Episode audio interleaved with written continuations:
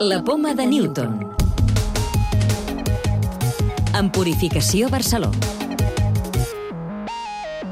Millorant la qualitat del son disminueixen els símptomes del trastorn de dèficit d'atenció i hiperactivitat en adults, segons un estudi de l'Institut de Recerca Vall d'Hebron, el VIR, que confirma la relació entre l'insomni i el TDAH. Us en parlem en el programa d'aquesta setmana. També us explicarem un avanç contra un dels tipus de càncer de mama més agressius i un estudi que val a fer seguiment de l'ansietat a través de telèfons mòbils.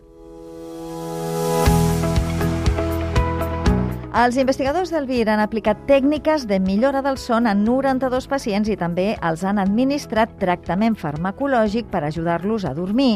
Amb això han aconseguit que més del 70% tingués menys insomni i símptomes més lleus del seu TDAH.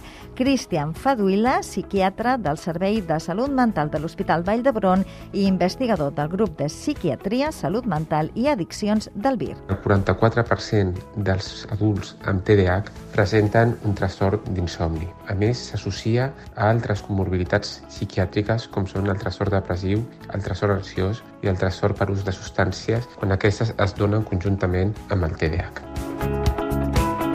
Hem valorat com evoluciona aquest insomni al llarg de 6 mesos, fent un seguiment a 92 pacients i el que hem observat és que quan s'implementen mesures d'higiene del son i puntualment algun tractament hipnòtic, s'obtenen una remissió del trastorn de l'insomni en un 72,5% dels casos implica millorar la sintomatologia del TDAH sense haver d'incrementar o canviar els tractaments farmacològics que estan prenent aquests pacients i alhora també observar una reducció de la comorbilitat psiquiàtrica, és a dir, dels trastorns, sobretot ansiós i depressius, que presentaven aquests pacients. Les conclusions de la recerca contribueixen a entendre millor la relació entre els dos trastorns i poden ajudar a lluitar amb més eficàcia contra el TDAH en adults.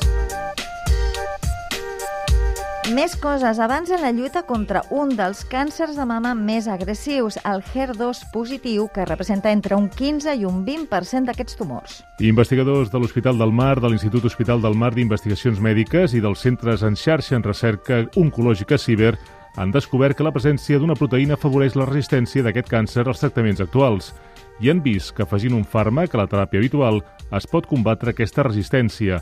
Joan Albanell és l'autor principal de l'estudi. El laboratori m'ha identificat la producció d'una proteïna, la neuregulina, per part de cèl·lules del microambient tumoral que causa resistència a la teràpia amb un sol anticòs. Afortunadament, aquesta resistència reverteix experimentalment combinant els dos anticossos. Un estudi de l'IDIVAPS Hospital Clínic Lidivell, el Centre de Recerca Biomèdica en xarxa, ha demostrat que fer seguiment de l'ansietat a través d'aplicacions mòbils és molt més efectiu que els mètodes tradicionals. En lloc d'avaluar l'ansietat en visites periòdiques, obliguen el pacient a fer memòria de com han viscut les últimes setmanes, una aplicació dona una visió més real de la seva situació diària.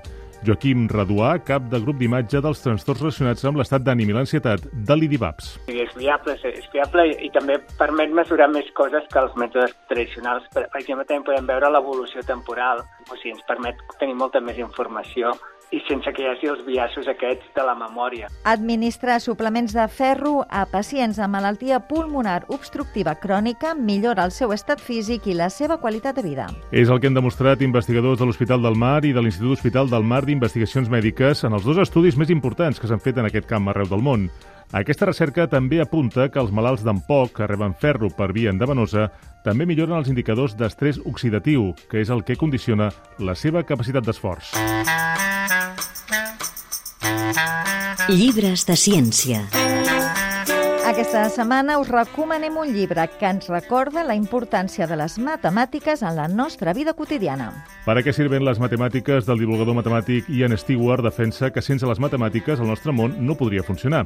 En aquest sentit, el llibre aporta múltiples exemples que ens descobreixen fins a quin punt les matemàtiques determinen la nostra realitat tal i com la coneixem. I descobrim, per exemple, que la trigonometria permet mantenir un satèl·lit en òrbita, com les equacions són bàsiques en el disseny dels avions, com l'estadística serveix per dissenyar nous medicaments o com els números estan al darrere dels trasplantaments de ronyó, de les prediccions del temps o fins i tot de l'organització del comerç a domicili. La clau de volta. Naixem amb un microbioma propi? Aleix Elizalde Torrent, metge i investigador a Irsi Caixa. Amb un microbioma que prové de la mare però des d'aquest mateix moment ja comencem a reunir els nostres propis microbis.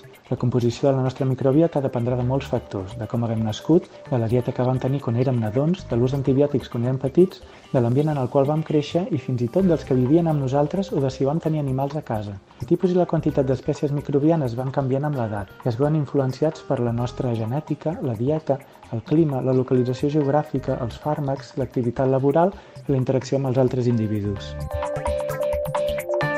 Recordeu que podeu descarregar-vos el podcast de la Poma de Newton o subscriure-us al programa per rebre'l directament als vostres dispositius.